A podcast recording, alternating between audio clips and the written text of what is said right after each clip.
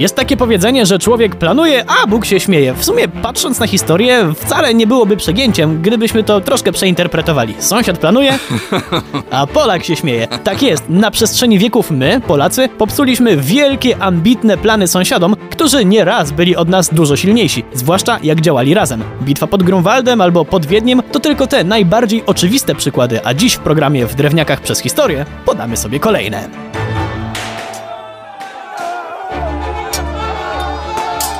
Zaczniemy od osławionego szwedzkiego potopu. Niby wszyscy o nim słyszeli, ale warto podkreślić, że to przy tej okazji zniweczyliśmy jeden z najbardziej ambitnych planów obcego mocarstwa. To było w połowie XVII wieku. Szwedzi mieli wtedy chyba najlepsze wojsko w Europie i wjechali do nas jak w masło. Część szlachty, w tym na krótko Jan Sobieski, przeszła na stronę wroga, którym rządził władca nie byle jaki Karol Gustaw.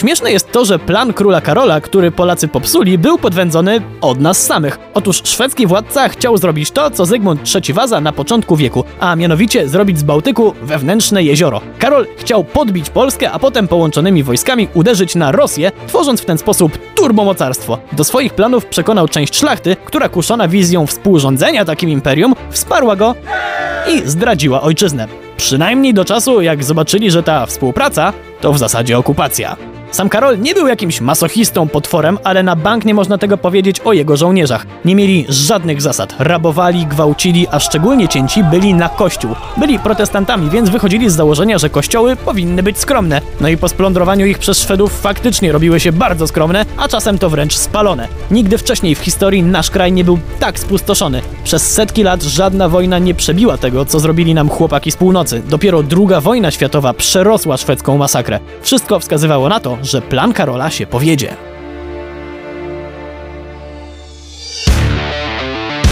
Trzeba przyznać, że trochę czasu minęło, zanim szlachta, która wzięła stronę Szwecji, zorientowała się, że mało się nam taka współpraca opłaca. Ważne jednak, że kiedy już się ogarnęli, to nie marnowali czasu. Powrócił król Jan Kazimierz, a Polacy wzniecili powstanie. Narodził się taki duch walki, którego wcześniej chyba jeszcze nie było. W szczytowym momencie tego powstania mieliśmy pod bronią 75 tysięcy ludzi, ale to nie była najgroźniejsza broń, bo wtedy okazało się, że jesteśmy mistrzami świata w wojnie partyzanckiej. To właśnie od tej pory nasi wrogowie bledną na myśl o wejściu do polskiego lasu podczas wojny. Szwedzi uciekali z Polski prawie tak szybko, jak jeszcze niedawno do niej wjeżdżali.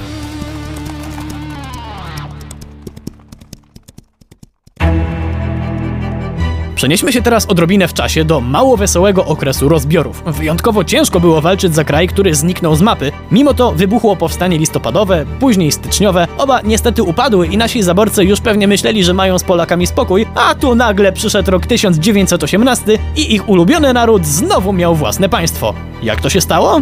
Wszyscy zaborcy przegrali wojnę. Austria i Niemcy jako członkowie państw centralnych, a Rosja sama ze sobą, bo mimo, że była po stronie państw zwycięskich, to wewnętrznie zjadła ją rewolucja bolszewicka. Zaraz po I wojnie światowej nasi sąsiedzi wiedzieli już, że stracą część polskich ziem, ale chyba nikt nie myślał, że tak dużo. O największym naszym udanym powstaniu, wielkopolskim, jeszcze sobie opowiemy, ale trzeba też wspomnieć o innym, które mimo, że przegraliśmy, to wygraliśmy. Chodzi o trzecie powstanie śląskie. Po wojnie tereny Górnego Śląska miały być przyłączone do Polski albo do Niemiec, w zależności od wyniku głosowania mieszkańców, przy czym nie było ono do końca fair. Niemcy przywieźli na Górny Śląsk 150 tysięcy osób, które chociaż mieszkały w Niemczech, to urodziły się na Śląsku i miały prawo głosu. Jest jeszcze jedna kwestia, bo przecież wtedy wjechali do nas bolszewicy i wiele osób zagłosowało za przyłączeniem do Niemiec, bo po prostu się bali. Wszystko wskazywało na to, że bolszewicy wygrają i Polacy, w tym właśnie Ślązacy, będą żyli znów pod ruskim butem. A tego przecież nikt nie chce. Po ogłoszeniu wyników okazało się, że 60% mieszkańców chce iść do Niemca. No to się Polacy wściekli. Wybuchło powstanie, które, żeby było jasne, przegraliśmy, ale było tak heroiczne i dobrze zorganizowane, że wywarło wrażenie na Francji, która zdecydowała się nas wesprzeć. Pewnie by tego nie zrobiła, gdyby nie to, że Niemcy byli słabi, ale akurat wtedy szczęście nam sprzyjało.